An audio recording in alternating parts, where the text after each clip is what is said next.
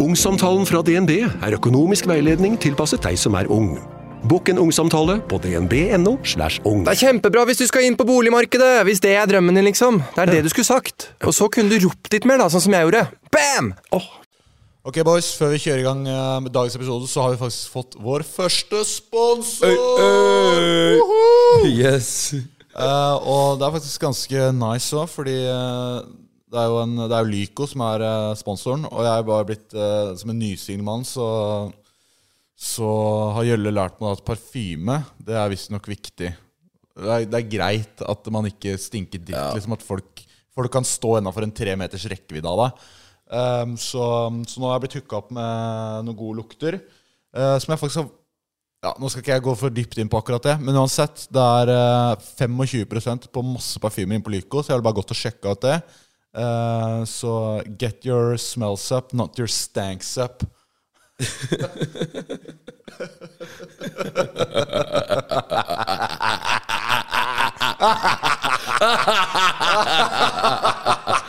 Yeah.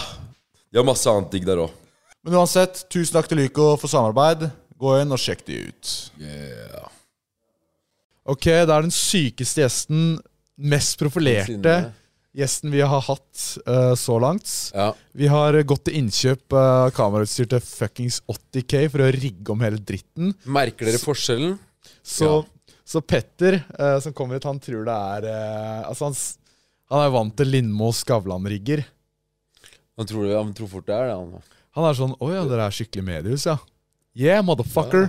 Ja, ja, ja. Vi tar shit seriously. Men han er stor, og da må du bare gønne på slå på stortromma når det er med Stordalen. Men eh, jeg skjønner ikke hvordan vi skal klare å toppe det, egentlig, ja, med Stordalen.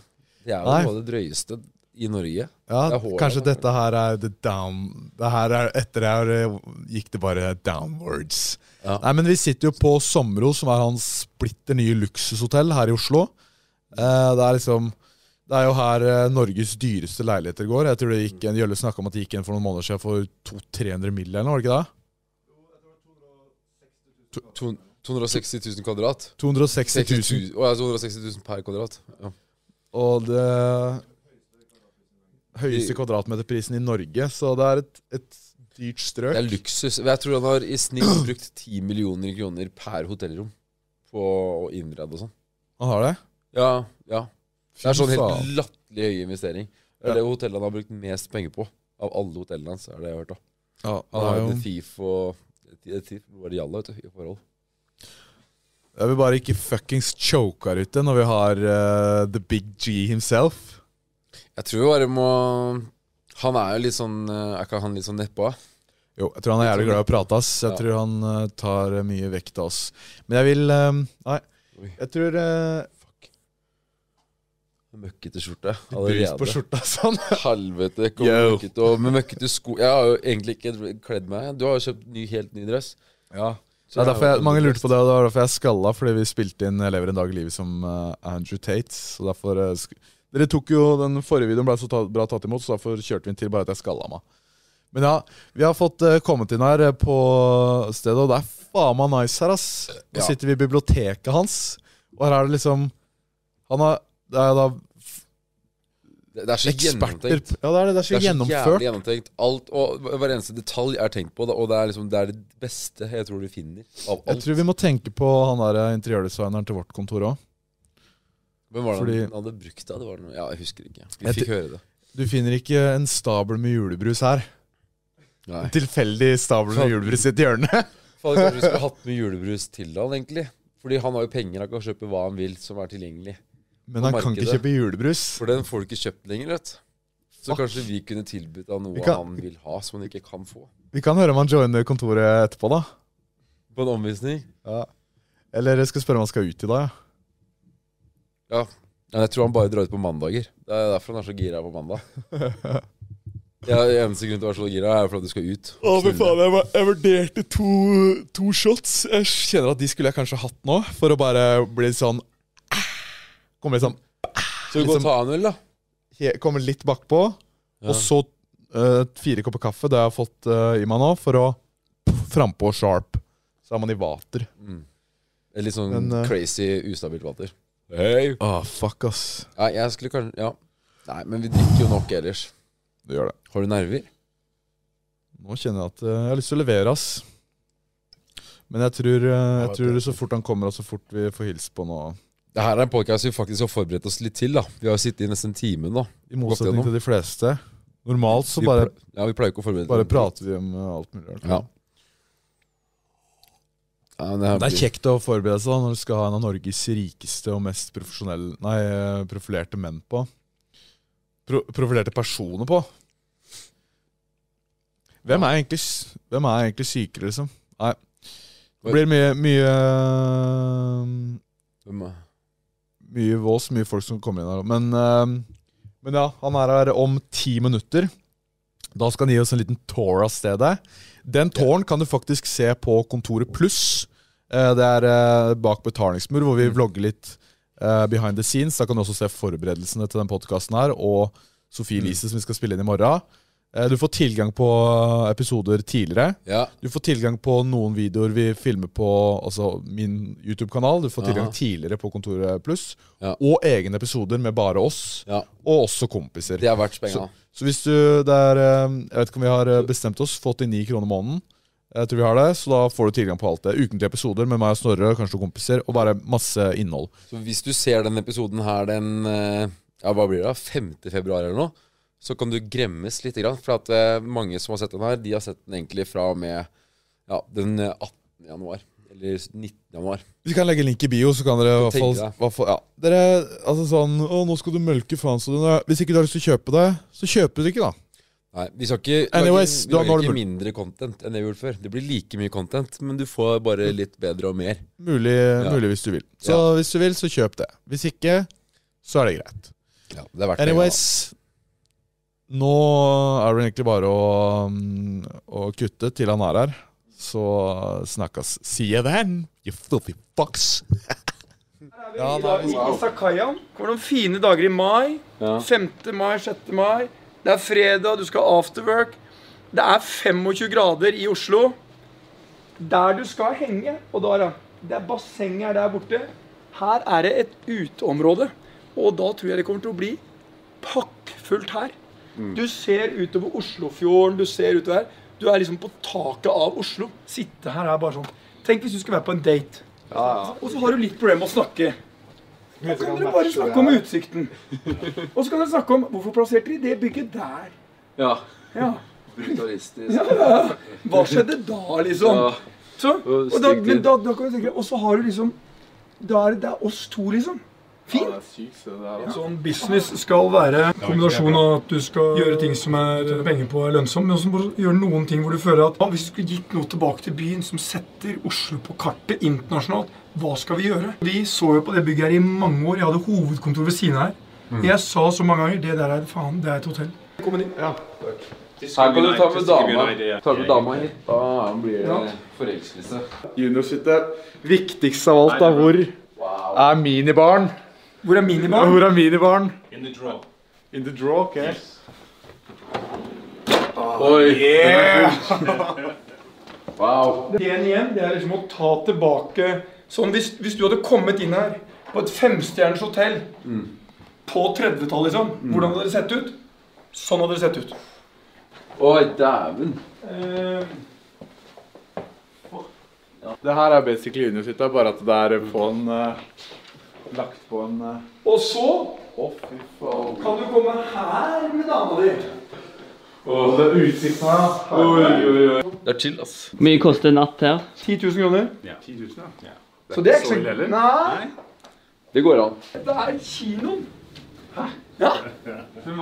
Dominic, tell them about what we are showing here. Okay, we're, we're not a registered cinema, but we have concepts we've created uh, for our guests. Uh, we have a Marilyn Monroe brunch, which is a Marilyn Monroe dining up in our, in our beautiful restaurant. Then you come here and see a film. Huge popcorn machine, all the refreshments that go with it. Du snakker om at eh, nei, men jeg bodde på et hotellrom. Vet du hva Dominic og Sommerås selger? Drømmer. Opplevelser. Det er det vi selger. Ja, nei, vi skal jo gjerne ha uh, fire Snap Stories, et Snapshow, to YouTube-videoer, to Insta-innlegg, uh, fire TikToks, uh, og så um, så vi har, eh, vi har planlagt Det er mye. Det er en busy dag. Uh, ja, eller Vi tenkte egentlig bare å få det fordi eh, tanken var at du hadde lite tid. Vi ville maksimere det vi fikk ut av deg. Men nå som vi har snakka om det, så, så um, puster vi ut og Nå kan vi ta, nå kan vi ta de Syns du virker som jeg er stressa på tid? Nei, egentlig ikke. Det var ti, mer timer rundt deg. Ja, ja, men de er, jo betalt for å være Det, stressa. Det, det er jobben deres, på en måte. Ja, det er jobben deres. Men da, men da kan vi ta det i Lindmo-tempo, egentlig. da Her, er, altså, her tar vi det i litt sånn cruisetempo. Ja. Stille og rolig. Vi har nok av tid. Tranquilo, hvilepuls. Ja. Ja. Men det er en ting eh, jeg tenkte å spørre deg om eh, før vi hopper inn i uh, juicen. Jeg snakka om at eh, pene jenter har du vært flink på å ansette. eh, eller Dominic har vært flink på å ansette det. Men hver gang jeg har vært der, det er vel tre ganger nå, så er det den Lucy Bar. Er ikke, nei, Lucy Bar, ja. Så står det alltid jenter i sommerkjole der. Er det fordi det er sommerro?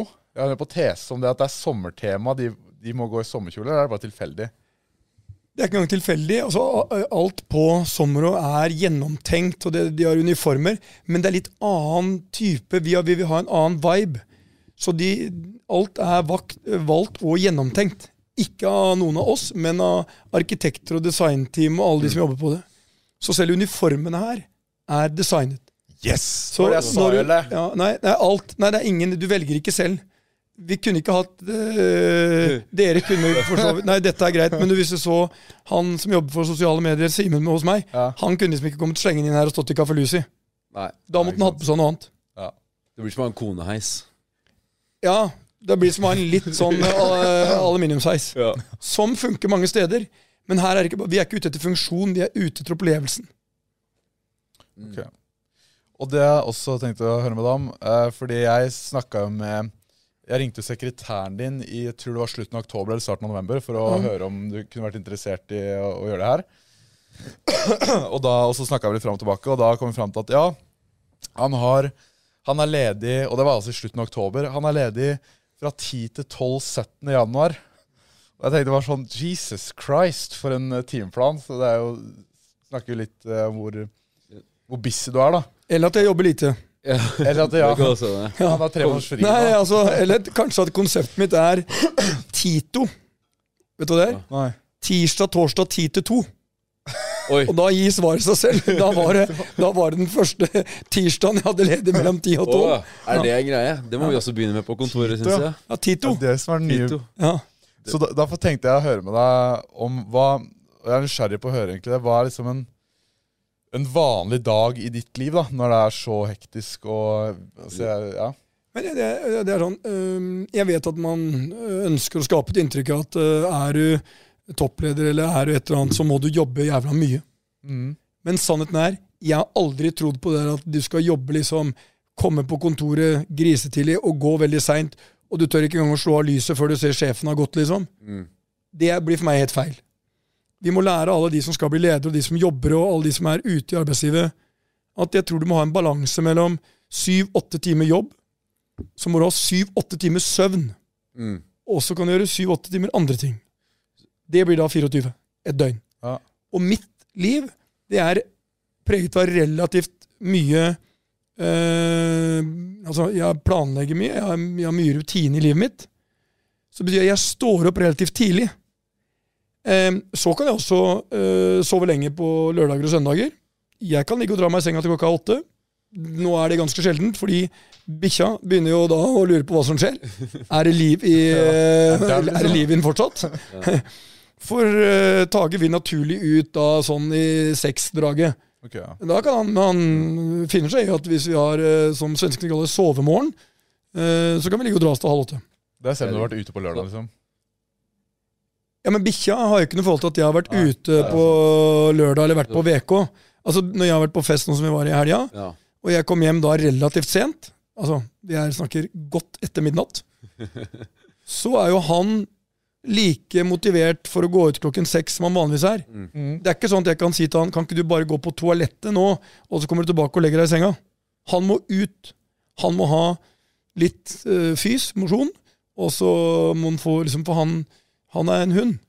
Og når jeg har hund, så må jeg respektere uh, det livet han skal ha.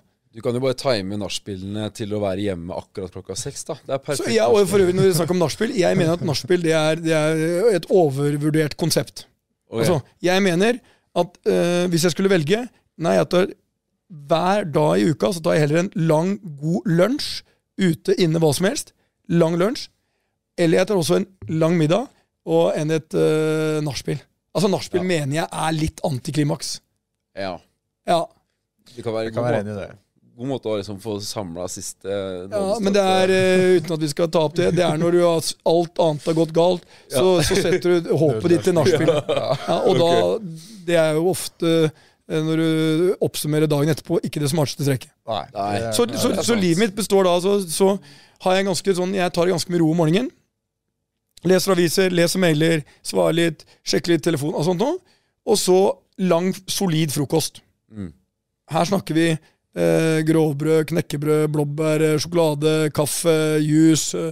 Eh, det som hele eh, Det holder seg bang. Ehm, og kommer da til kontoret, klar for dagen. Det jeg ofte gjør da, hvis Torgeir Silseth, min sjef, er der, så tar jeg meg en kaffe, og så går jeg og setter meg foran han. Eh, og så prater vi om alt fra private ting til hotellselskap og alt mulig. Samme gjorde jeg i dag, før jeg møtte dere.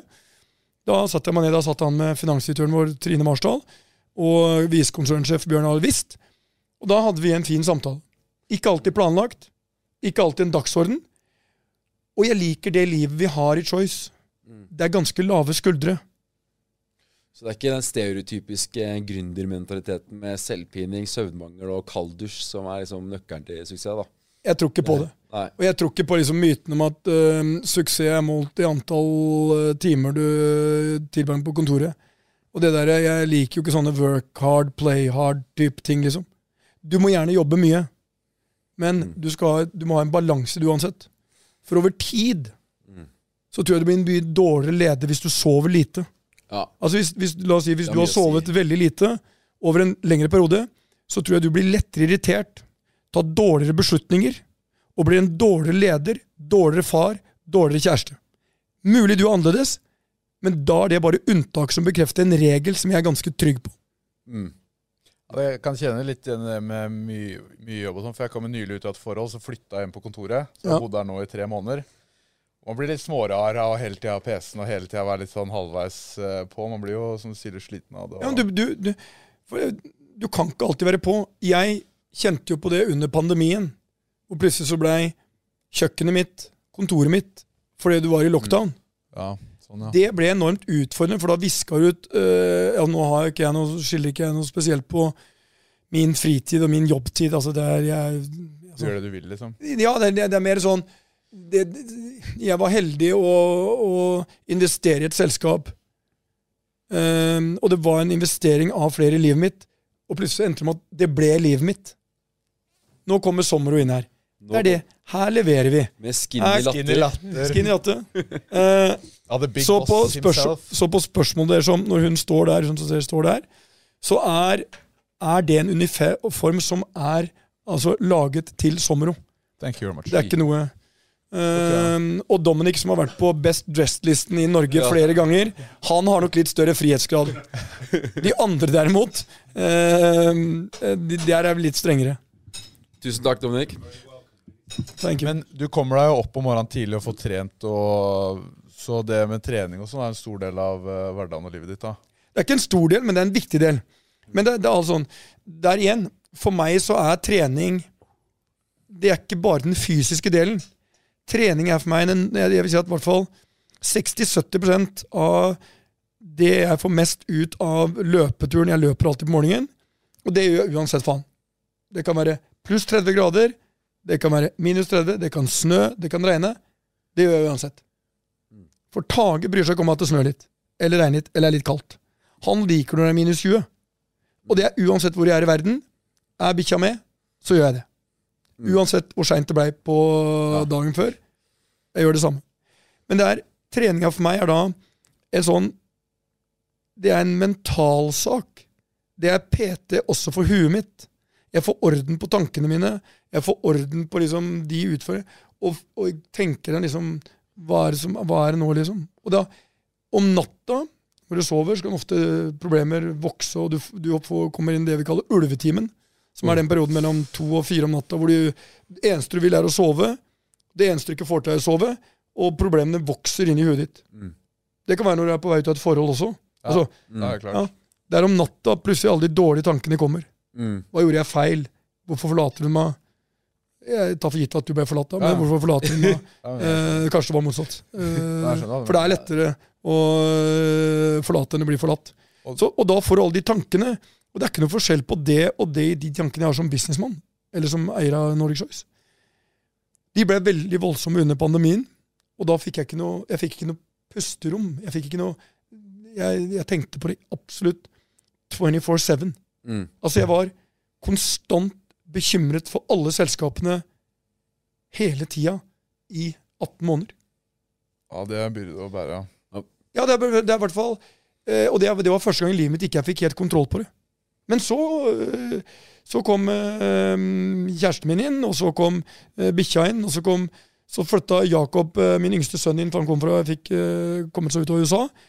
Og da ble det plutselig liv, det ble musikk, det ble et vin, og det ble Det fikk meg ut av det. Mm. Og det igjen, det er de timene du må ha, hvor du henter deg inn. Og da ble jeg bedre. Fordi du, du er jo 60 år nå, men du flyr jo rundt som en veltrent 22-åring med større biceps wains enn eh, folk flest kan drømme om og sånn, og, og du er jo en skikkelig energiplugg. Er liksom balansen og folk rundt deg og det, det er det som er ungdomskilden. Det er ikke en sånn der eh, greie bare rikinger har. Det er noe alle egentlig kan få. Jeg tror i hvert fall at alle har mulighet for å eh, forlenge livet sitt og få det bedre gjennom å være fysisk aktiv. Så tror ikke jeg du trenger å kjøpe noe medlemskap på en eller annen uh, treningssenter for å få det. Jeg mener at alle de øvelsene jeg gjør, all trening jeg gjør, kan jeg gjøre med ett par joggesko Ja. og på et hotellrom. Ja. Absolutt alt. Ja. 80% av øvelsene mine består av at jeg bruker kroppen som vekt. Ja. Jeg tenkte om det er noe bare en sånn superhemmelig greie Det er ikke noe for hemmelig. eliten, liksom, og de geistlige. Det er, det er, det er ikke noe. Men, men jeg tror hvis du sånn jeg, jeg, jeg føler meg bare bedre. Ja. Men det jeg mener jo terskelen for å prate om de tingene her må være lavere. Det er sånn som veldig mange tenker på at å gå til en psykolog Jeg tør ikke å prate med ha har jeg et problem. Øh, Og det er et problem i dag med mental helse for veldig mange, også for unge menn. Hvis vi blir flinkere til å prate om det, så ender vi med at den PT-en jeg snakka om, da blir det å gå til en psykolog som å ha en PT for huet ditt. Mm. Det er, veld, det er veldig lav terskel for å gå på et treningssenter og ha en PT.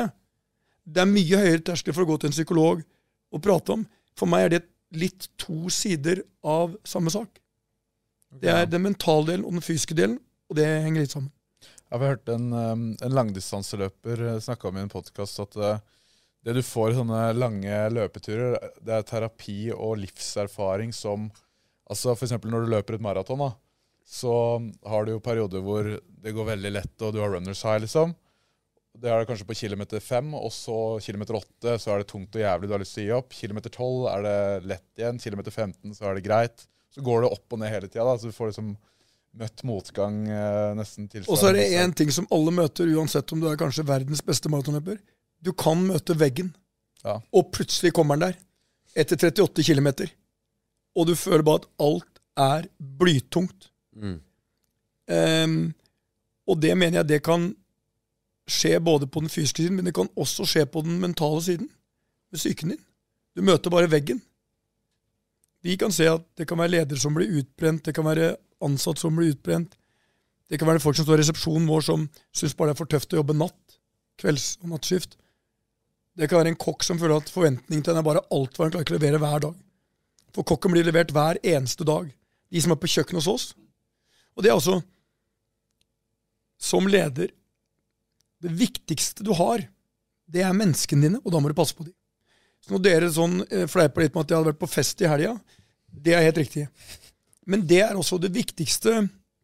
Det er som en institusjon i selskapet.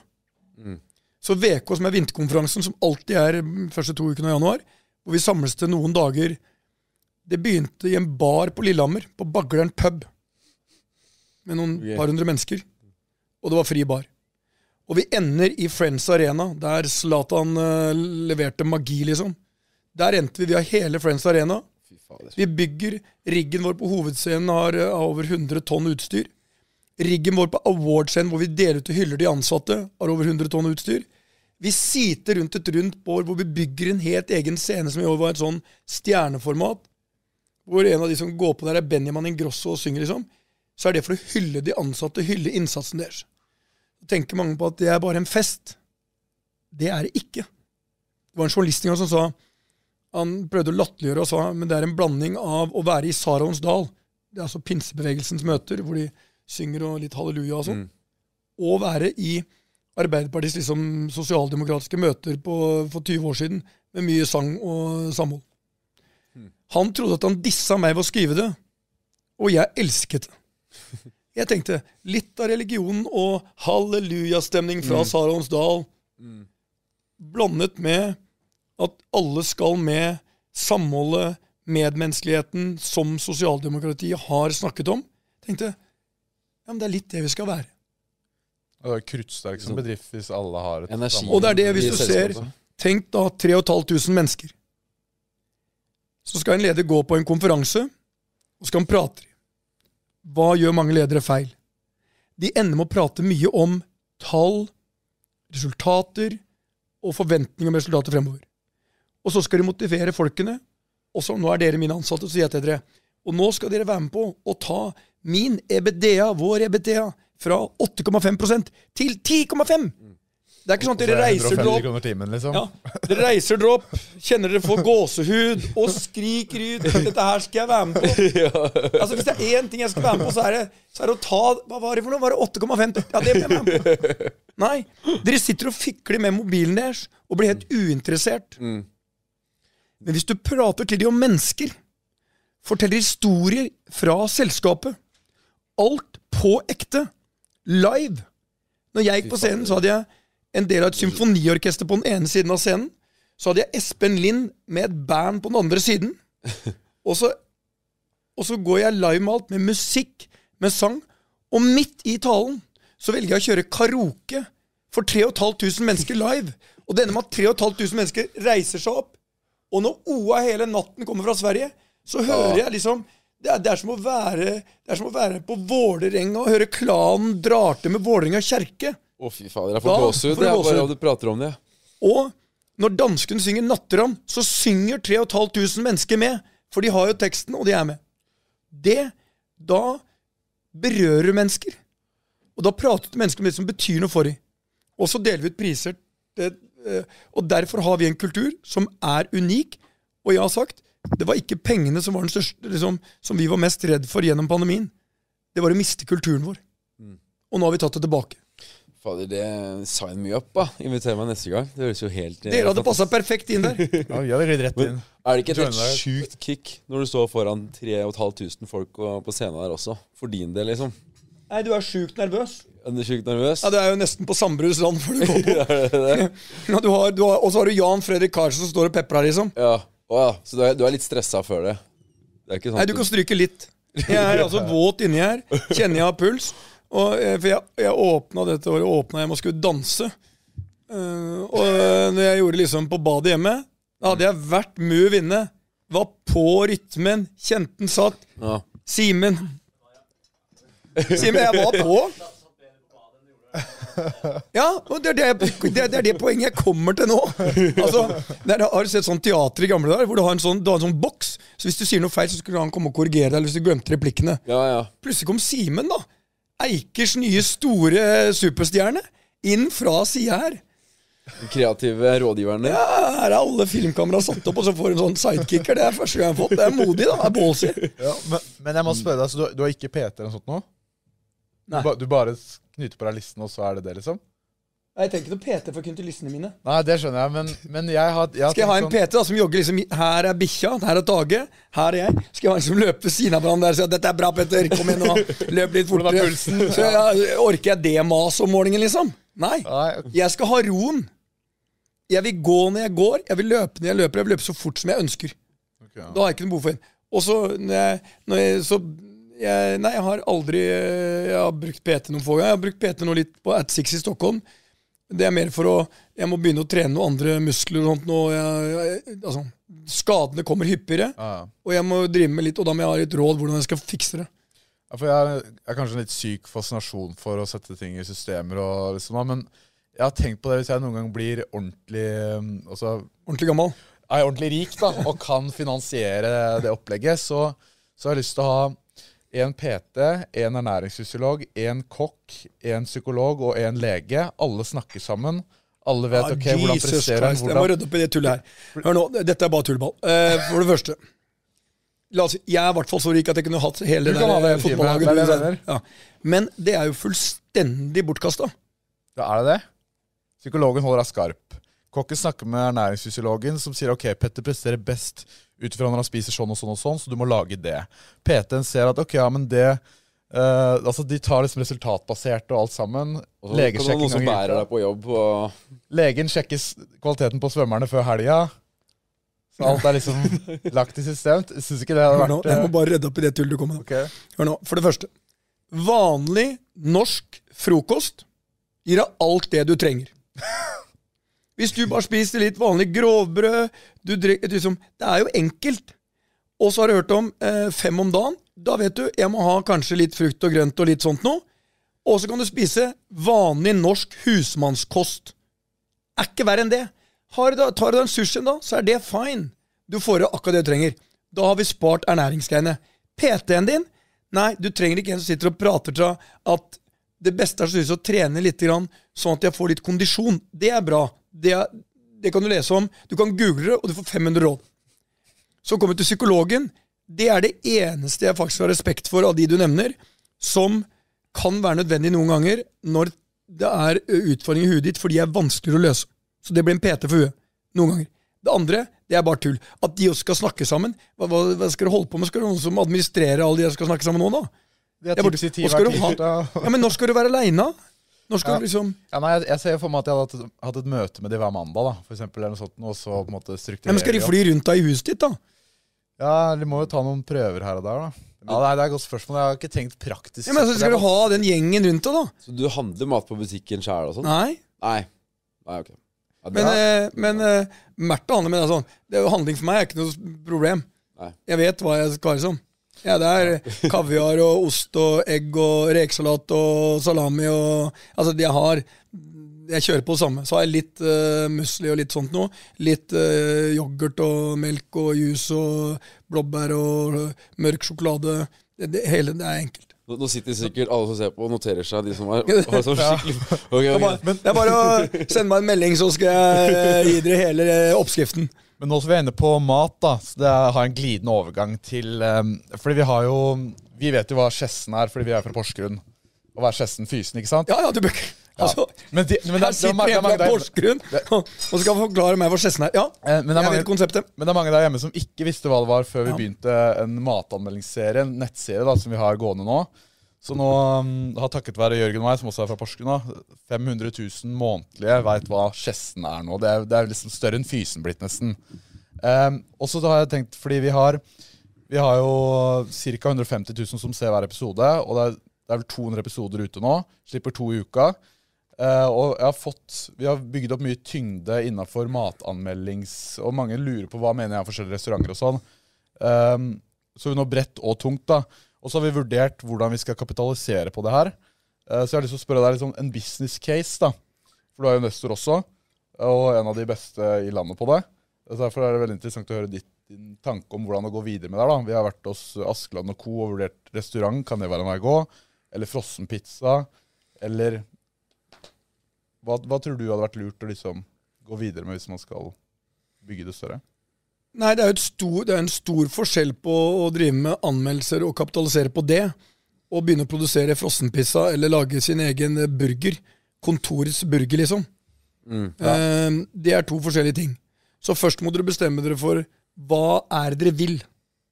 Er, er målet å bli eh, matanmelder som kapitaliserer på det? Eller er målet å bli eh, produsent av noen retter og kapitalisere på det? Ja, er... Hvis målet ditt er å bli den nye Grandiosaen, så er det litt mer komplisert. Så du tror ikke det er noe å hente på merkevaren, og at den kan smitte over i to forskjellige produkter? hvis du har Skjessen-pizza, Absolutt. liksom.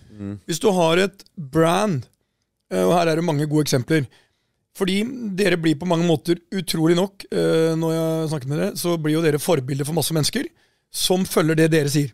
Hvis du er på Sommero og liker burgeren, og du sier liksom Eh, den burgeren syns jeg var jævlig god. En av de beste. Kjøttet var godt, perfekt stekt, alt sammen. Da vil mange automatisk gå og teste den burgeren. Eh, for at ikke man skal fornærme noen i Norge, skal vi ta et godt eksempel i Sverige. Der har en del store influensere. Veldig mange mennesker, når influenserne kom, latterliggjorde influenserne. De syntes det var sånn Herregud. Så skrev jeg i jeg tror det var min første eller andre bok så skrev jeg om at eh, man skal ha stor respekt for mennesker som får en millioninntekt, som påvirker hundretusener av kjøpere, og som er i ferd med å ryste grunnvollene i de største mediehusene i Norge. Dere gjør en enorm kardinalfeil ved å undervurdere den gruppen. Så fast forward spoling, så kom Bianca Ingrosso, en influenser i Sverige. Først bygger hun opp brandet sitt, Bianca Ingrosso. Så kan vi godt ha en diskusjon med hvordan hun gjør det, men that's a fact. Så lanserer hun forskjellige ting. Sminker, klær. Altså, selskapet, Jeg tror det ene selskapet hennes ble verdsatt nesten en milliard. Og hvem investerer i det? Jo, jo, det er de tyngste investorene i Sverige. Så hun etablerer merkevaren Bianca Ingrosso, får nok følgere til at de som stoler på hennes råd, de, de vil Det er igjen tilbake. Det er drømmen om Jeg vil bli litt som henne. Jeg vil være litt som henne. Og da vil de kjøpe de um, produktene og kjøpe den kåpa. Vi har et uh, merke som heter The Product. Uh, og der har vi testet det å bruke noen som bruker de produktene, og det har vært en kjempesuksess. Det er i liten målestokk, men det samme. Eh, så jeg tror at uh, hvis dere etablerer da et brand som handler om å anmelde, som, får, som blir kredibelt innenfor de som ser på det hos dere, så kan du selvfølgelig bruke det brandet og sette det på noen produkter som tilfredsstiller de kravene dere stiller. Men så er neste greie, så må dere få distribusjon av det.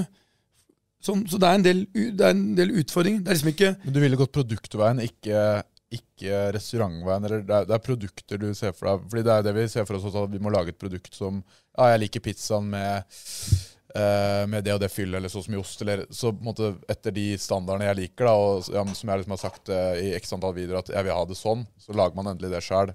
Og så Ja, og da, det enkle er da Hvis du hadde hatt, la oss si at kontoret var stort på matanmeldelser, og, og så finner du ut at eh, jeg kan ta min favorittpizza, da, som er uh, en, en med sik. Jeg trodde aldri jeg skulle like pizza med sik, altså fisken sik, sånn, uh, Ja.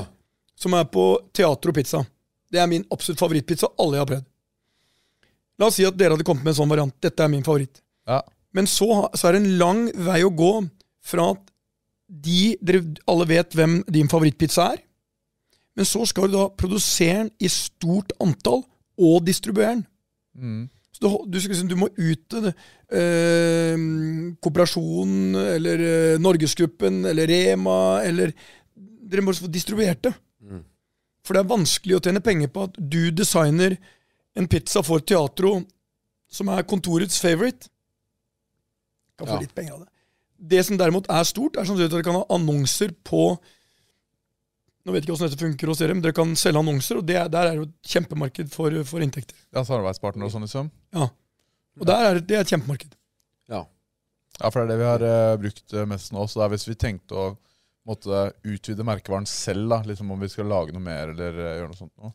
Men eh, det er kanskje Men det er bare, bedre hvis dere uh, har et stort antall følgere, mm. og dere får Altså, bli jævla god på det dere er gode på. Mm. De fleste er gode på én ting, og så skal de begynne å gjøre mange andre ting. Ja. Det er veldig få Bianca Ingrosso. Det var mitt neste poeng. Ja. Det er enormt mange som drømmer om det. Det er veldig få som lykkes med det. Hun er suksess, suksessrik. Hun har program og greier. Og så er ikke det, det å være rik, det er, eh, det er eh, Jeg tror det er overvurdert. Altså, økonomisk uavhengig er fantastisk, men etter det, liksom, Mm. så er det Du må ha det bra med deg sjæl, du må ha et bra liv, du må ha bra venner, du må ha bra familie. Altså. Men uh, hvis ikke du hadde vært en eh, multimilliardær i skinnbukser, men du hadde vært en, eh, en, en ung 20 år gammel person nå da, i dagens samfunn som skal liksom opp og frem i livet og ønsker karriere og sånn, altså, hva, hva hadde du gjort da? Ja, hvis, ikke, hvis du, hadde vet, du vet det du vet nå, uh, og så er du 20 år gammel uten en krone. Hvilke bransjer hadde du gått inn, og hva hadde du gjort da? liksom? Hvordan hadde du gått fram? Altså, jeg, du, du presenterer 20 år Petter, men med Petter 60 års erfaring. Nettopp. Interessant konsept. Jeg er ikke sikker på om det hadde funka jævlig bra. altså. Ikke? Nei. Du har fortsatt vært stormannsgal. Nei, nei, jeg, men, jeg, jeg, eh, det er altfor mange ting som uh, man ville reflektert over som man ikke gjorde som 20-åring. Da var det sånn It ain't no tomorrow. Ja, klokka er to, skal vi gå hjem nå? Nei, nei, nei. nei. Skal ikke på jobb for sju, vet du. Da ble det nach. Ja, da ble det nach. Uh, nei, uh, jeg tror For det første så er det sånn eh, Jeg har vært veldig heldig i livet mitt, eh, og jeg jeg kunne ikke engang drømt om det. Jeg hadde ingen ambisjoner. Jeg hadde, en, jeg hadde ingen ambisjoner om å få en uh, toppjobb, egentlig, og fikk det. Og var uh, administrerende veldig tidlig i mitt liv. Ja, du var 24 år gammel Ja, og satt i konsernledelsen til Atle Brynstad før jeg var 30. Um, og jeg var med og tok over Steen og Strøm før jeg var 30, uh, som var liksom symbolet på varehandelen i vår tid. Mye av det er tilfeldigheter, men mest av alt så er det en historie om at jeg møter mennesker underveis. Og det er sånn det er sånn Always be nice to a stranger. Uten at jeg hadde et bevisst forhold til det når jeg kom fra Porsgrunn, så har jeg alltid vært nysgjerrig på mennesker. Og det er menneskene som har løfta meg videre. Én, jeg er ikke supersmart. To, jeg er ikke sånn eh, Jeg er ikke så jæklig hardtarbeidende som man tror. Uh, og jeg har bra disiplin, men ikke sånn sinnssykt mye. Men jeg er veldig glad i mennesker. Jeg er genuint nysgjerrig på mennesker. Og så øh, mener jeg så har jeg noen prinsipper om ledelse som jeg fikk tidlig, som handler om at du må delegere både ansvar og myndighet. Du må stole på mennesker. Du må gi dem muligheten. Og det er greit å feile, for det gjør vi alle. Og jeg skrev litt om dette i bøkene mine, om liksom sånn 80% er bra nok. Altså, prøv det. Så går, så går det på trynet, da. Ja, reis deg opp, børst av støv og gå videre. Prøv igjen. Så Petter som 20-åring hadde ikke vært noen stor suksess. Hadde definitivt ikke gjort samme reise. Det er masse tilfeldigheter. Og noen trier sånn Jeg tror ikke på det at du kan bestemme deg for at du skal det ene eller andre. Jeg, det var litt tilfeldig. Det var litt tilfeldig at jeg blei rik. Jeg syns det er jævlig moro, men, altså, men jeg, det som gir meg glede, det er ikke de penga. Gleden får jeg av å gå på kontoret og møte alle de som jobber der. Mm.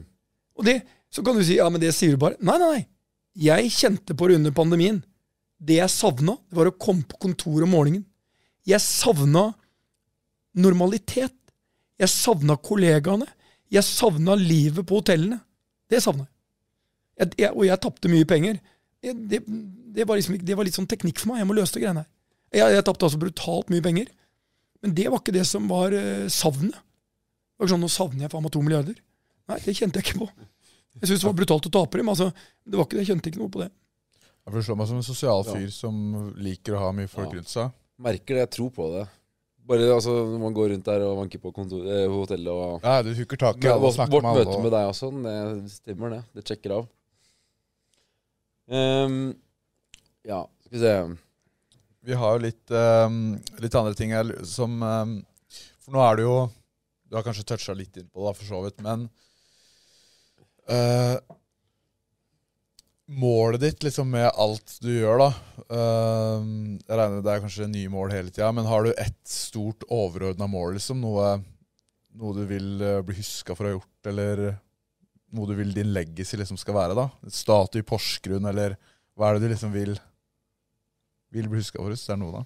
Jeg tror datteren min. Emilie sa vel det i en eller annen sammenheng.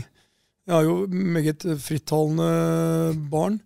Eh, og vi hadde Det var vel en diskusjon om hva skal stå på gravsteinen din, liksom. Ok. Eh, og det diskuterte vi som ofte gjør sånne diskusjoner vi hadde på det vi kaller sommerhytta, som er nede i Blindleia. Ja. Eh, og da satt vi en fantastisk disse fløyelskveldene hvor det, det er vindstille, det er varmt. Vi sitter i det vi kaller Hellesund tropé, som er basically en uh, uteområde med tak over. Uh, og satt der og eh, sang og hørte på bra musikk og sånn. Og så kom den diskusjonen. Og da sa jeg at på min skal det stå Jeg prøvde alt jeg kunne. Um, og det datt bare ut av meg. Og med det så mente jeg at uh, jeg tror det er viktig å forsøke. Det er forsøke å være, forsøke å være et bra menneske. Forsøke å være snill. Um, og, og prøve å bli litt bedre utgave av deg sjøl hele tida. Så sier jeg ikke at jeg alltid lykkes med det, men jeg prøver. Mm. Og det er sånn Så du har ikke noe du angrer på, liksom, for du har, du har gitt det du har? Med andre ord, Jeg- egentlig. Altså, em, livet er sånn Hvis jeg skulle begynne å angre på alle de tingene som jeg gjorde som, som var dumt, da har vi en lang kveld foran oss. Skal jeg, skal jeg liksom begynne å barn? tenke på alle de tingene? Men, Men- det gir ingen mening. Altså selv, selv Gud kan ikke forandre på det som allerede har skjedd. Så det lar jeg bare være. For et levd liv, det består av opptur og nedtur. Og det består av å ha fantastisk moro og lykkes, og drite seg ut. Hvis du bare tar Hvis du er litt er der hele tiden, du prøver hele tiden, plutselig så treffer du noen plugger som funker utrolig bra, noen nedturer også. Men eh, du sa det var flaks, litt flaks at du ble rik. Men eh, det skal veldig mye til å bare sitte og prompe i et eh, mørkt rom for deg sjæl, og så plutselig bli, ha veldig flaks, på en måte. Ja, Sitter du bare i et rom og promper, så, så blir du bare sittende i det rommet og prompe. da. Ikke sant? Og da blir du sannsynligvis sittende igjen ganske alene Ja. uh, i det rommet. Uh, men en ting der, jeg tror liksom når jeg begynte med Endelig mandag, så oppsummerer det egentlig, og mange lo av det i starten, det også var en tilfeldighet. For jeg skulle på noe som het uh, Riksmegapol, Miksmegapol. Mm. i Göteborg. som jeg har vært på flere ganger. Uh, jævlig bra sånn gjeng som kjører sånn morgenprogram og ordentlig trøkk og moro å være der. Som jeg alltid sier ja til når jeg har anledning. Um, og så sitter jeg og hører på det. Og de snakker bare om Altså, jeg hørte på når jeg løp om morgenen og sånt, nå, var i Göteborg noen dager, og det var sånn Ja, nå er det endelig lille lørdag, liksom, som vi hadde i Porsgrunn også. Onsdag. Ja. Torsdag. I morgen er det fredag. Endelig en fredag. De begynte også på mandag, som de syntes var en jævlig dag. Tirsdag begynte de å snakke om nå begynner det å nærme seg. Onsdag. Og så hele uka bygde opp til fredagen. Så sitter jeg der, og så kommer jeg der, og så er det en fredag, og sier de ja, men Petter, nå er det endelig en fredag. Så jeg men jeg synes liksom Jeg elsker mandager, jeg. Og det ble eh, en veldig morsom greie. Og de sa hæ? Hvem, øh, hvem elsker mandager? Det er jo ingen som gjør. Altså, Så var det en diskusjon om var tirsdagen enda verre enn mandagen. Uh, men jeg sa jeg elsker mandager, og det er sånn Nei, da har jeg nye muligheter, en hel uke foran meg. Jeg kan gjøre nye ting. Bør ikke tenke på det som jeg gjorde i forrige uke. Nå er jeg ferdig med det. Nå går jeg opp. Så eh, det er sånn Ja, du mista dama di. Jeg har blitt skilt. Det betyr ikke at vi to slutter å tro på kjærligheten. Du prøvde en date som ditchara. Du går på igjen. Du mister ikke tro på kjærligheten. Og det er jo livet i sånn lite, lite format. You win or you learn. Apropos kjærligheten. Du har jo en eh, ny kjæreste, eller relativt ny kjæreste. Tre år. Du har, du har kjæreste. si. kjæreste. Ja, du har kjæreste. Prøv igjen. Du har kjæreste. Har kjæreste. Jeg innrømmer det. Ja. Ja, hun er vel par og 30, et eller annet sånt, ja. Ja. Er planen der å skaffe seg noen flere arvinger? Eller barn, som vi kaller det? Eller eh, hva, hva, hva er tanken der? Kan det være aktuelt? Eller er det veldig privat? Skjønte du? Jeg skulle bare se hvor ubehagelig det ble fra hvor lenge. Og du begynte med et kort spørsmål, og så la du på litt til, og så la du på litt til, og så avslutter du med å si 'Skjønte du spørsmålet?' Men det er det vi sier nå. Altså, Skjønte men, men altså? Skjønte du spørsmålet? Eh, det, var, det var ikke mulig å misforstå spørsmålet. Nei. Og en helt annen sak er om jeg gidder å svare på det. Ja. Og der er jeg mye enklere enn deg. Nei, Nei. På å svare, eller eh, jeg svarer ikke på det. Jeg svarer ikke på det. Nei. Og det er de også. Bare kjenn på det. Bare Kjente du hvor usikker du blei? Du tenkte Har jeg toucha grensen hans nå? Det gjorde Ja. ikke. Nei, det er ikke. Nei, altså um, uh, Märtha var Det var overhodet ikke planlagt at vi skulle bli kjærester. Nei. Um, heldigvis for meg så ble hun rammet av den norske lockdownen midt i mars. Og vi ble liksom bokstavelig talt som en sånn ny variant av Big Brother, låst inne i 100 dager. Så hun, hun gikk der for å være der i to dager til 102 dager. Mm. Og vi ble forelska. Og vi, hun var med og var en viktig del av at jeg fikk liksom øh, øh, en bra periode til tross for at det var ekstremt utfordrende. Eh, og så har det bare fortsatt. Nå har det blitt tre år. Og så tenker ikke jeg så veldig mye på liksom øh, hva som skjer fremover. Nei. Du lever veldig nuet. Ja, men jeg kan jo gjøre altså jeg er ikke jeg, jeg kan jo gjøre matematikken som du var innom. altså 32, 60, fremskriv liksom befolknings... Liksom, hvordan, hvor, hvor, hvor lenge lever en som er 32 år, født i Sverige og levd et sunt liv, Eh, hvor lever en som er født i Porsgrunn i 1962? Altså, jeg, jeg, jeg har forstått matematikken. Så det var ikke det at jeg bomma ikke på tallene dine. Nei. Jeg tror du må Ja, du, må, du er en som um, eh, trenger unge folk rundt deg. tror jeg, Du har så mye energi. Så du kan, eh, sånn som eh, Bare jeg kjenner mamma og pappa, da, som er liksom par og 50. eh, de blir veldig weara ut da, når vi det er mye unge rundt og masse energi og mye skjer. Men jeg ser ikke for meg at du blir det. Du har mer energi enn sønnen din, nesten. ser jeg for meg. jeg, altså, jeg elsker Når vi, vi skulle nå ned og ha eh, til broren min i Porsgrunn og samles hele familien, 35 stykker liksom, og så har ribbe. Ham forribbe. Um, og jeg kjører jeg skal kjøre, da. Og da er liksom um, kidsa der og sånt noe. Og da synger det, det er Og det er, her er låtvalgen. Da, da synger de i bilen. Så det er, det er altså det er, det er et lydnivå som går over enhver nattklubb jeg har vært på. Enhver utested. Og det er låter om å treffe tonen og sånt noe. Og det er quiz, og det er, sånn det er, Og det er et sirkus. Og jeg kjenner bare at jeg syns det er helt magisk.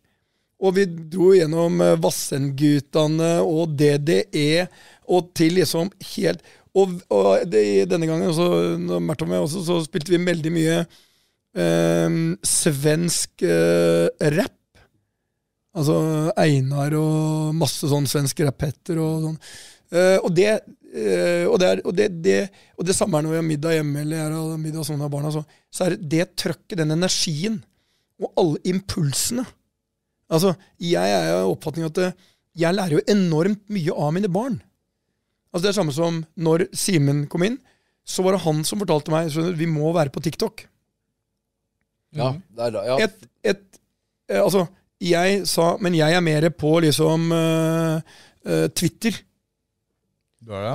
Er det, er, det er jo dinosaurer nå. altså. Ja, nettopp. Men det er viktig at du da, da må du stole på han som kommer inn. Vår kommunikasjonssjef Bettina sa han vil gjøre noe sånn TikTok-greier. Hun er ganske ung. Og så fortalte han meg nå at nå er det over, begynte for et kvarter siden, og nå er det over én million, eller hva var det, Simen? Ja. Dæven. Hvor mye følgere har du, da? 21? Du er jo snart tiktoker, du, da.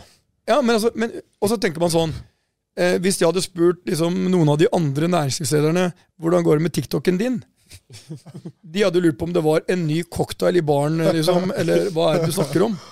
Eh, jeg var også tidlig ute på Instagram, Mm. og i begynnelsen begynte jeg Men hvis ikke du aksepterer at du må være med Altså, jeg lever i en verden hvor vi må være aktuelle. Hver dag må vi være aktuelle. Hvis ikke vi er aktuelle for gjestene våre, hvis ikke du følger med Og det er den unge generasjonen som står for endringene. Så jeg må jo klare å ta inn over meg at jeg representerer en generasjon som er liksom blitt for gammel til å få med seg alle de tingene som vil forme selskapets fremtid. Mm. Og når jeg sitter sammen med han som er toppsjef, da, Torgeir Silseth Det er jo litt som de to gutta i Muppet-showet som sitter oppe på galleriet der. Og hvis ikke du klarer å ha det bildet inni deg, at vi må klare å tenke nye tanker Det de fleste gjør, det er bare at de omgrupperer bare på de tankene de allerede har, og presenterer de på en litt ny måte. TikTok, da må du tenke helt nytt. Det er et annet format. Ok, da trenger jeg han. Simen, 24. Har du klart å få Torgeir på TikTok? da? Det er liksom sånn du holder deg litt i live, egentlig, da. Ikke Nei, det, er- det, det, det holder meg i live høres ut som jeg er god Nei, jeg ikke på du, full- men det er sånn man Altså full fart inn i skyggenes dal. Det er sånn du holder deg i live. Altså, hvordan er det nå? Må du ha en som hjelper deg ut av senga om morgenen? Nei, det er ikke, jeg er ikke helt der enda. Og det er sånn, jeg har jo ingen planer om pensjonsalder. Ingen planer om sånne ting. jeg tenkte at, at ikke hodet bare gror fast og blir en, en grå stein. På en måte. For det er mange som ikke aksepterer at det endrer seg. liksom Nei, og det er, men du, du må om... Altså, du må liksom du må Ja. omfavne, du må elske forandringene. Ja. Du må elske de nye tingene. Ja. Du må synes det er morsomt at du får 1 million eller 20 000 følgere på TikTok. Jeg har ikke noe forhold til om det er en suksess eller ikke, men bare det at jeg ser, når han forteller til meg, at han syns det var jævlig moro, det holder for meg. Jeg bør ikke ha noe jævla analyse av det. Jeg vet jo at når jeg legger ut noe på Insta, og jeg, det er sånn, så vet du at eh, hvis jeg legger ut noe og sier at her, liksom, her er det bra, liksom, så vet jeg at det får effekt. Det er jo hotell som ringer og sier 'hva har du gjort nå?' Nei, Petter la ut noe på Insta, liksom. Ja. Så ringer de. Men du må, du må, du må også akseptere Du må være eh, du, bøkker, du må være litt personlig uten å være så veldig privat. Da må jeg legge ut litt om bikkjene og livet mitt og frokosten og Eller eh, som Simen igjen, han sa du er nødt til å lage en ny mandagsvideo. Noen ganger så er jeg litt tom. Og i går, mandag, hadde festa knallhardt, vært igjennom foredrag, 48 timer, eh, lite søvn. Eh, som svenskene eh, oppsummerte, litt sluttkjørt mandag morgen jeg var uten bikkja. Så kommer han derre Simen Eikers nye superstjerne og sier du må lage mandagsvideo. Så sitter jeg Jeg er jo ekstremt urutinert, jeg som har vært med på 26 ukeår. Hadde booka opp da dagen min med møte fra morgenen på mandag. Altså, du har Ja, lyst til å slå deg sjøl i huet med en planke. Og, og, liksom, og, og det, så hadde jeg satt rett før jeg skulle i et tungt møte, tenkte jeg jeg får da ta noe. Så, så skyter jeg da fra sånn selfiehold en mandagsvideo. Og jeg, og jeg tenkte sånn Jeg snakker om Fordi jeg snakker om mye filter du bruker. Jeg har aldri brukt et jævla filter. Så jeg tenker da at jeg kjører helt filterløst og sier nå er det akkurat sånn. Alle mandager er bra. Denne er litt tung. Det er litt is i rubben på denne mandagen. Ufa. Ja, det er rått. Men jeg liker at du er på TikTok nå. Du er jo et forbilde for veldig mange unge, da. Og det er jo litt de plattformene de faktisk bruker. Det er det. Men tenker du noe over at du er et forbilde for, eh, for yngre? Påvirker det deg på noen som helst måte, eller bare kjører du din greie? Nei, du må jo selvfølgelig tenke at du, du Jeg håper liksom at man tenker at man ikke bare Man vil jo være et godt forbilde. Jeg vil være et forbilde for mine barn. Sier ikke at jeg alltid lykkes med det. Jeg vil være et forbilde for de som ansatte som jobber hos meg. Jeg vil at de skal være stolt av meg. Jeg vil at de skal være stolt av selskapet, av valgene vi gjør, av holdningene vi har. Um, og de som sier de ikke bryr seg om det, forstår jo ikke liksom uh, den rollen de har. Um, og derfor er det ganske mange ganger hvor jeg gjør ting som jeg tenker sånn Det der burde jeg kanskje ikke gjort, eller burde kanskje ikke sagt. Det burde kanskje ikke vært sånn. Um, men sånn er det. Men ja, jeg vil jo gjerne være det. Jeg vil si du er en av de bedre forbildene, kanskje. i hvert fall.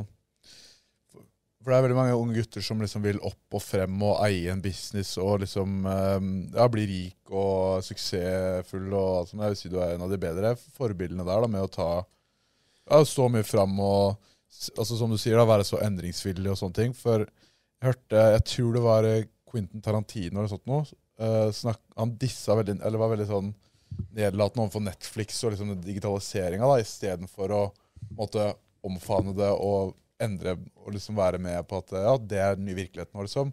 Her er folk. Da liksom kritiserer man det og dytter unna seg isteden. Og det er en stor tabbe å gjøre, da. Så liksom å være Men det er lett å sitte som eh, kapitalist og investor og næringslivsleder og disse Sofie Elise, og så, du, og så investerer du i Schibsted og har liksom ikke skjønt hva som skjer.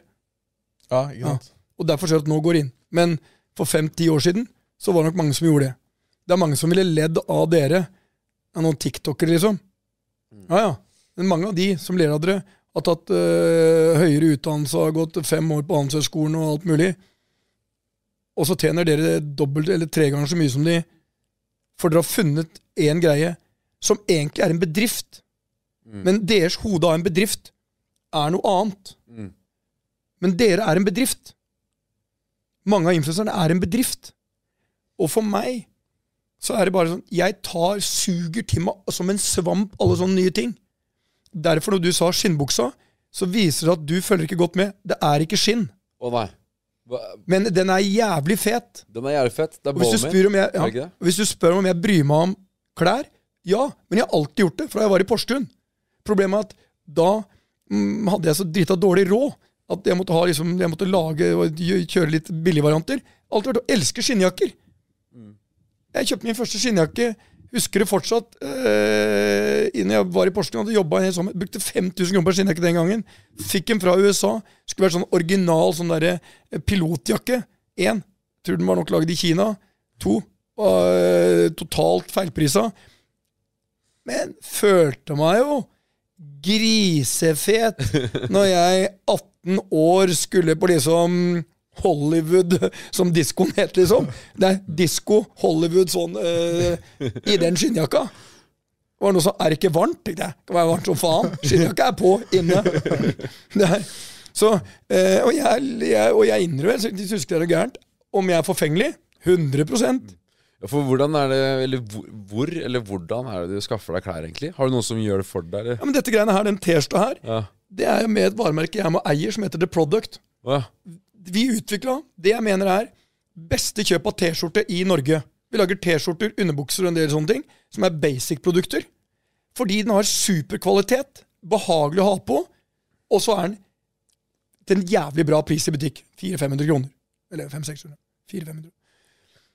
Så vet jeg at du kan kjøpe T-skjorter til et par tusen kroner. De gir deg ikke noe mer, og de er ikke engang like behagelig å ha på. Jeg vet, for jeg har testa ut alt. ja, det tror jeg på. Så det er sånn living the brand. Den derimot, de er litt mer komplisert å lage. Ja, Men hvis det ikke er skinn, hva pokker er det der, da? Det er jeans som er behandla på en spesiell måte. hvis du kjenner på Å, det er det, jeans. det er jeans. Så Så de er litt diggere å ha på? Jeg må kjenne altså. Det er jo øh, men, men, Og jeg er jo, jeg handler jo på nettet eller sånn. Jeg går igjennom og ser på ting. Før kjøpte jeg jo sånne motemagasiner og blader og sånt noe. Har en veldig litt sånn øh, Har en betydelig feminin side. Det er viktig det å være i touch med sine feminine sider. Altså, jeg, jeg, er- jeg, jeg, jeg tror det. Jeg tror jo på det eh, metroseksuelle eh, liksom varianten av ledere. Jeg tror liksom at Hvis du har med deg en feminin side og en maskulin side, så tror jeg du er en bedre leder. Bruker du mye tid foran speilet? Eh, ja, det vil jeg. Altså i forhold til gjennomsnittet. Ja, I og med at jeg står og alt som skjer på morgenen, det skjer jo foran et speil. For det er pusser jeg tenna, vasker meg, dusjer, står der. Så der har jeg jo speil. Det er ikke så stort. Jeg, jeg, jeg går ikke på jobb. Simen seg eh, lue faen. Han står opp om morgenen, seg liksom klærne, og så går han. Jeg dusjer jo og fikser meg og tenker over hva jeg skal ha på meg. Det, det er ikke det, bruker lang tid på det. Men jeg, jeg, sånn som i dag, skulle jeg møte dere, så kjente jeg på i dag passa den buksa. Det er, det er litt interessant det du sa om at uh, influensere er egentlig på en måte enkeltstående businesser. Mm. Fordi det er litt sånn veldig vi um, Det begynte jo i 2020 med at jeg bare la ut mye TikToks. Og det, da hadde jeg faktisk lest den boka di om 80 er bra nok. Ja. Uh, og var veldig den mentaliteten at jeg bare pøser ut, så får det enten briste eller bære. Og hvis det er dårlige videoer, så presterer de ikke bra uansett. Hvis det er gode videoer, så presterer de bra. Og så bare fortsetter jeg ned den gata som er av bra videoer. da. Eh, og så gikk jo det bra på TikTok. Eh, og så har Jørgen og jeg alltid vært litt sånn at vi har åpna nettsider og prøvd litt forskjellige uh, Prøvd å starte forskjellige bedrifter og sånn.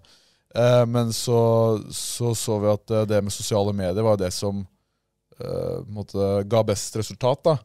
Så da, da så vi på det liksom at eh, Litt som en business. da, ok, Hvis vi kan levere kvalitetsinnhold på hver og en plattform, podkast, TikTok, Snapchat, YouTube, eh, ja, Twitter, LinkedIn altså bare overalt, og bare bygge systemer rundt det, og så ta på samarbeidspartner, annonsesamarbeid og alt sammen, så bare bygge det nesten et lite mediehus, da. Det er vel ikke helt hus Hvor mye omsetter dere for i 22? 6,2, tror jeg. Så Hvor mange ansatte er dere? hvor mange er vi nå? Vi er, det er vel fra 10 til 100 og vi er vel 10? Ja. Klippere. Man klippere som jobber liksom, ja. Ja, det er greit. Så dere basically har tre fulltids årsverk, da, eller tre og et halvt? Fire? Ja. Takk. Ehm, det betyr hvor det er, det er veldig få som klarer å starte en bedrift som i løpet av så kort tid omsetter så mye. Det betyr at dere klarer å sitte igjen med et overskudd, hvis dere er gjennomsnittlig gode, på to millioner før dere tar ut lønn. Da får dere ut en lønn hver på én million. Hvor gammel er du? 24, ja. Hvor mange 24-åringer var utdannelse har du? Eh, null. Jeg droppa ut etter ja, seks Etter? måneder. Seks måneder. Så. På Jeg gikk økonomi på Høgskolen Kristiania. Hvor mange av de som fullførte økonomi på Høgskolen Kristiania, tjener én million? Mest sannsynlig er de ikke ferdig med utdannelsen ennå. Uh, det er et godt spørsmål, ja. Og hvis du gjør da matematikken, og dere to fortsetter, og vokser, og bedriften vokser, så vil de som har tatt hele den utdannelsen, og jeg mener utdannelse er jævlig viktig, men bare De vil aldri ta dere igjen. Dere vil bli rike. Ja, Dere er for så vidt ganske rike allerede. Dere vil bli rike. Og dere vil bli litt rikere hvis dere er smart, smarte hvert år. Det betyr dere kan faktisk være godt økonomisk uavhengig. Og du kan ha hele fotballaget av eh, ernæringsfysiologer, psykologer og PT-er og whatnot og kokk og alt mulig eh, eh, før du er 30. Så, hvis, men, men det de fleste gjør, det er at du begynner å tro på din egen hype. Du slutter å utvikle deg. Du glemmer å være ydmyk i forhold til hva dere har skapt. Dere blir litt, litt sånn Cocky og Ja, arrogant lite og- grann. Blir litt konge på byen. Det blir noen champagnetog som ikke skulle vært der. For jeg, jeg er konge på byen, men jeg lar meg ikke Det, det skal um, Vi tar ikke ut mye lønn, så det var to millioner etter vi Eller eh, jo, etter vi har tatt ut lønn. Fordi vi tar ikke ut mye, og jeg, som jeg sa da, jeg bor på kontoret for å unngå 8000 i leie i måneden. Så hvis jeg skulle kjøpt den bedriften deres, så hadde jeg sagt dere tjener to millioner i året etter at dere har tatt ut lønn. Dere tar ut samme lønn de neste syv årene. Dere er bundet av en kontrakt med meg til å jobbe i minst syv år. Um, og så lar jeg dere beholde litt av aksjene. Da hadde jeg verdsatt det eh, selskapet til 15 millioner. Over syv år. Jeg sa bare dere må jobbe i syv år. Ok, ja. Men da hadde Ja, men det, vi, skal, vi skal vokse mer enn Nei, det. men bare vent nå. vent nå. Okay. Her sitter en uh, kapitalist som Ja, ja. nettopp har sagt til dere to at dere har blitt mangemillionærer. Ja. Sju nå du. Ja, men, Det eh, hadde jeg ikke Det tror jeg ikke jeg hadde solgt for. altså Nei, Nei. men nettopp. Da må dere behandle selskapet på samme måten. Og det gjør vi nå, føler jeg, da. Ja. Ehm, og så må dere, være, så må dere ha liksom respekt for hvor få som klarer å få et selskap som plutselig er verdt 15 millioner. For målet må være at det skal doble seg hvert tredje år for dere. målet okay, hvor- hvorfor det? Vi skal er doble det i år, vi. Og Ja, det, men det, det, det, det er bra. Det er enda bedre. Vi får til det. Vi ligger i rute, vi. Men da skal jeg si en annen interessant ting Ja, som kommer til å overraske dere. Okay. Warren Buffett, som driver Berkshire Hathaway, kanskje en av verdens aller rikeste. Hvor stor andel av hans formue skapte han etter han fylte 50? Ja, det er faktisk søtt. Det er 95% eller noe sånt nå. Det er, nå overrasker du veldig. Jeg leste mye sånn Ja, uh, sånn- jævlig imponerende. Det er i hvert fall over 90 skapte han etter han fylte 50. Og, da sånn, og det er, jeg tror det er sånn eh, fortsatt nesten over eh, 90 etter han fylte 60. Eller i hvert fall over 70 eller 80-90% Det er sånn. Så følgende. Det andre er interessant. Han er vel 90 år nå, tenker jeg. Han leder fortsatt et av verdens største investeringsselskaper, Berkshire Hathaway. Mm. Han møter 20 30 40 000 mennesker på hans generalforsamling. I den lokalbyen han er i. Liksom der, der møter de i et gigantarena. Han tar spørsmål fra salen. Og det interessante er, hvem er partneren hans? Charlie Munger. Han er 92, tror jeg. nå. Ja, Og nå ler dere. De gir seg For dere tenker dere, nå tenker dere sånn Faen, jeg trodde livet var over etter jeg var 40, så, og så ble det 50, og så møtte jeg Petter 60. Ok, du kan være liksom Blodet går fortsatt rundt i kroppen, og det er livet, liksom. Du kan sparke fra Nei. til er 70, liksom. Som jeg sa når jeg sto på scenen på VK. Jeg er 60. Jeg tror jeg har 26 gode år til i meg, liksom. Jeg har i hvert fall 20. Er jeg Charlie Munger, så er jeg 22 30. Mm. Det tror jeg på. Nei, At men du har, i hvert fall men det er har bare- husk en ting. Dette er Den starten dere har hatt, er langt bedre enn den starten jeg hadde. Så dere ligger foran meg i lysløypa. Og dere har hodelykter på. Og vi kommer Puster deg i fra nakken, da. Så det gjelder bare å ikke liksom se på alle idrettsstjerner, rockestjerner, som får en enorm suksess, og så mister de det. Det er jævlig mange som mister det. For oss er det kanskje å holde seg relevant og tenke smart hele veien. Fader illand. Og så må dere ikke ta noe sånne Så må dere ikke begynne å tenke på at eh, Nå er vi så jævlig flinke på det vi gjør. Da skal vi begynne å gjøre noe annet. Hva har jeg gjort? Hva har jeg gjort i, i livet mitt? Basically en voksen liv. Hotell. Litt kjøpesenter også, det var det jeg bygde meg opp. Men hotell. Og det er mange som sier 'hvorfor går det ikke inn i det'? Hvorfor går det ikke? Nei, det er hotell jeg liker, det er hotell jeg kan. Og så har vi gjort liksom Ving, som er eh, Norges største reisearrangør, og Nordens største reisearrangør. Og så har jeg investert i Hurtigruta, og så er jeg med på Stureplansgruppen. Men det er innenfor liksom litt samme område. Mm. Og jeg er ikke noe investor sitter og vurderer kanskje jeg skal gå inn i farmasi, liksom. Kanskje. Nei. Nei. det er dette jeg kan. Så ville dobla ned bare på innhold, da, som vi på en måte fort, eller eh, er vår på en måte, hovedgreie. Altså Hvis jeg skulle gitt dere ett råd Det er sånn Dere er jævlig gode der dere er nå. Og hvis det kan vokse fremover, så har dere truffet noe som veldig få treffer i livet sitt. Eh, Coca-Cola de har stort sett drevet med én ting gjennom livet. Det er eh, Coca-Cola. Og så har de alle mulige andre leskedrikker, eller så, eh, varianter av det. Men, og det har blitt et ganske stort selskap. Mm. Og spør du meg, jeg, er heller en, jeg eier heller en bitte liten en mikrodel av Coca-Cola enn 100 av Jolly Cola. Så hvis dere er best Jeg vet ikke om dere vet hva Jolly Cola er. Nei, jeg Ja. ikke det. Men jeg skjønner hva du mener. Ja, Jolly Cola er dansk cola, eh, som ikke er like bra som Coca-Cola. For å si det enkelt. Okay. Men det er billigere. Ikke Så hvis, Gabriel, hvis dere er blant de alle Jeg må så inn i skranskauen pisse. Du er 24 år. Har du sjekka blæra di? blære. Ja, men Har du sjekka det? Nei, jeg har ikke det. Da må du sjekke prostataen din. Det er jo altfor tidlig. Tror du det? Ja, det ville jeg absolutt gjort. For jeg tisser, jeg tisser seriøst. Ja, men da må seriøst, du må jo øh, sjekke den. Jeg ser du sitter og Men jeg ville egentlig høre med deg Hvis vi klarer å doble omsetninga vår, kan vi få en ny podkast med deg oppe i baren? Kan vi sile en deal på det? Det er jo verdens minste problem. Gå og tiss nå, du. Ok, kan jeg få en handshake på det? Businessman handshake? Ja. At vi skal ha en Yes. yes. podkast fra barn? Ja, hvis, øh, hvis vi dobler omsetninga, da. Ja. Ikke noe problem. Gå nå, du, før du, du, Er det flere som må tisse? Nei. ja, jeg, Ja, en, Må du òg? nei, jeg klarer å holde meg. Du gjør det? Ja.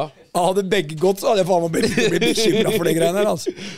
Det er to ting unge mennesker gjør som ville forbløffet min far. Én ting er dette koster da 100 kroner. Har du én boks om dagen, så har du brukt 36 000 kroner på snus. Og det kunne du investert, da. Hvis du hadde investert i stedet, så hadde du fått 10 avkastning. Og dobla seg hvert sjuende år. Er det ikke sånn? Plutselig Jo, men så skal du regne med at eh, Hvor ofte tar du en mm, kjøper en kaffe og kjøper en bagett og litt sånt på vei til kontoret? Ja, tre ganger i uka, kanskje. Tre ganger i uka? Nå, nå må jeg på Baker Hansen og ha en uh, Ja. kaffe. Og da bruker du 100-150, for da tar du med en bagett og litt sånn. Ja, det blir fort det. Det er i hvert fall 25 000 i året. Og hva er dette? Dette er etter skattpenger. Snus og Bakker Hansen, eller hvem du har, 50 000 kroner etter skatt. Fy fader. Tenk hva du kunne gjort, for da, før skatt så må du da tjene 75 000. Eller vet du, litt avhengig av hvor mye sk- lønn du tar ut. Men det er ganske mye penger. Det er det. Ok, At jeg bruker det, er bare dumt for helsa. Men det vi, Det er, det er, mer, enn- det er mer enn godt nok argument. Ja, vi vi, vi fant heldigvis et smutthull i systemet der, da, for vi har kalt det Skjessen. Så bare utgiftsfører vi det. At vi spiser på restauranter. Nå spiser vi på restauranter fem dager i uka og bare ja, har gjort det fra en utgift til en inntekt. det er egentlig. sånn magisk, magisk selskap. Vi bare setter alt på selskapet, og så er det content. Så er det en del av produksjonen. Blir det inntekt? Um, Ok. ok, Skal vi ta oss og rappe opp med de der eh, kjappe spørsmåla våre? Seerne hadde Altså, vi har aldri fått så mye spørsmål som når jeg la ut Altså, normalt på Snap-storyen så får jeg mellom 50 og 120 000 som ser en story. Så la jeg ut et bilde av deg, og får vi noen spørsmål til han her vi skal ha han på i morgen. Da var det 235 000 som så storyen. Og jeg tror jeg fikk 450 spørsmål. Det var bare på Snapchat. Så, um, så det var, det var mildt sagt jævlig vol- mange volum. som eh, ja, hadde mye å spørre om. Um, ok, Og mange av de her er jo da fra stjernene våre. Det er ikke vi som nødvendigvis Ikke spør Ikke unnskyld da, nå har vi vært gjennom dette tidligere. Vi representerer Altså, Ja, ja, jeg- jeg, jeg- skylder på dem. men du men, det er, det er, Det er våre sånn, spørsmål. ja, ok, jeg er 60. Jeg bør, bør ikke ha forklart ting tre ganger og klippet ut i papp. Jeg har tatt poenget. De har sendt inn spørsmål. Du skal nå lese de. Du bør ikke nødvendigvis stå for de tingene her. Greit. Kjør nå spørsmålene. Um, ja. Hvor mange privatfly har du? Ett eller et halvt. Så du deler, da? Timeshare, liksom? Det er en variant av timeshare. Ja. Hvor mye penger har du på brukskonto akkurat nå? Det vet jeg ikke. Jeg tar ut til hver tid det, det pengene jeg har behov for for å øh, finansiere livet mitt. Ok. Eh, har du tatt fillers, eller er du naturlig hunk? Hvis du skjønte det spørsmålet, da. Jeg har, uh, når det gjelder uh, mm, rumpeimplantat, biceps injections og titsa Foreløpig så har det gått bra. Men jeg har no shame in the game om det skulle falle til helvete. Nei da. Nei, jeg, jeg, tror på, jeg tror på da den husmannskosten og trening. Ja. Så, men jeg, jeg er veldig glad for spørsmålet. Ja, ja men det er bra. Da fikk du skrytt litt. Ja. av selv. Hvem er den rikeste du har nummeret til? På kontaktlista di. Hvem er den rikeste jeg har nummeret til på kontaktlista mi? Jeg har et par svensker som er ganske Som har ganske Som har det ganske bra. Uh, nei, jeg har, det er, det, er, det er, jeg har nok flere, mer enn én. Ok. sånn styggrike, rett og slett. Ja, hva definerer du som styggerik? Er det milliardklassen, da er det ganske Ja, da er jeg flere. Massevis. Ok. um, ja, ok. Er det, er det sant at du ønsker å destabilisere monarkiet i Norden? Og ta over som første folkevalgte president i en helt ny union? Nei, jeg, Ja, det er sant. Nei, jeg, nei, men jeg har to ganger lansert ideen om eh, Tenk hva Norden ville vært hvis vi hadde vært liksom én union. Ja. Og det var, jeg, det var jeg lanserte på Almedalen, som er et sånt stort politisk greie. Og det var bare sånn Vi er våre viktigste samarbeidspartnere, og det er få som tenker på. Sverige tror at de, deres viktigste er Tyskland og USA, og danskene tror definitivt det er Tyskland. Og så er det sånn eh, Sveriges viktigste handelspartner er Norge, og motsatt. Jeg sa bare vi skal, vi skal øke det samarbeidet. Og akkurat nå så var jeg innom en liten greie også, som jeg tror jeg la ut på Instagram, jeg er ikke helt sikker på, men jeg tror det. eh, Hvor jeg mente at eh, nå bør vi igjen tenke på Tenk hvis Norden hadde vært en strømunion. Da ville vi ikke hatt disse utfordringene med strøm. Finland har atom, eh, altså atomkraftverk. Eh, Danmark har enormt mye eh, fra vindmøller og sånne ting. Norge har jo olje, gass og vann og sånt nå, og Sverige har litt av alt. Da ville vi hatt et fantastisk strømmarked. Igjen, jeg sier, vi har veldig mye av å samarbeide mer. Så når Ja. dere skal ekspandere, og er ferdig med Norge, hvor går dere da? Nei, dere går ikke til USA. Da går man til Sverige. Det har vi allerede gjort, Så- faktisk. Vi er så- størst på Snapshow i Sverige allerede. Hvis man leser, eh, hvis man leser litt mellom linjene på svaret, så ja. Ja, Litt sant. Litt sant. det blir et parti. Nå er, nå er jo liksom de nordiske landene rimelig heldige med å ha eh, rojale familier som eh, er bra ambassadører for landet. Ja. Så jeg har ikke noe problem for å endre det. Nei, det er sant. Men Union, den uh, har vært digg. Union Ja, men uh, tenk, hvilke, tenk hva ville vært i idrett, da. Å, det var rått, ass. Altså, Fy fader. vinter-OL. Ja, det hadde vært, ja. Altså, hadde jo bare vært, det hadde bare vært de 25 førsteplassene. Det hadde ikke vært noen vits, da. Nei, andre, nei, nei, nei, det hadde ikke vært nordisk. Ja. Nei, men uh, med det så tror jeg vi er gjennom uh, lista av våre spørsmål, i hvert fall. ja. Tusen takk igjen for at du stilte opp. Det var dritrått å få deg med. Har du et enkeltpersonforetak eller en liten bedrift? Da er du sikkert lei av å høre meg snakke om hvor enkelt det er med kvitteringer og bilag i fiken, så vi eh, gir oss her, vi. Fordi vi liker enkelt. Fiken superenkelt regnskap.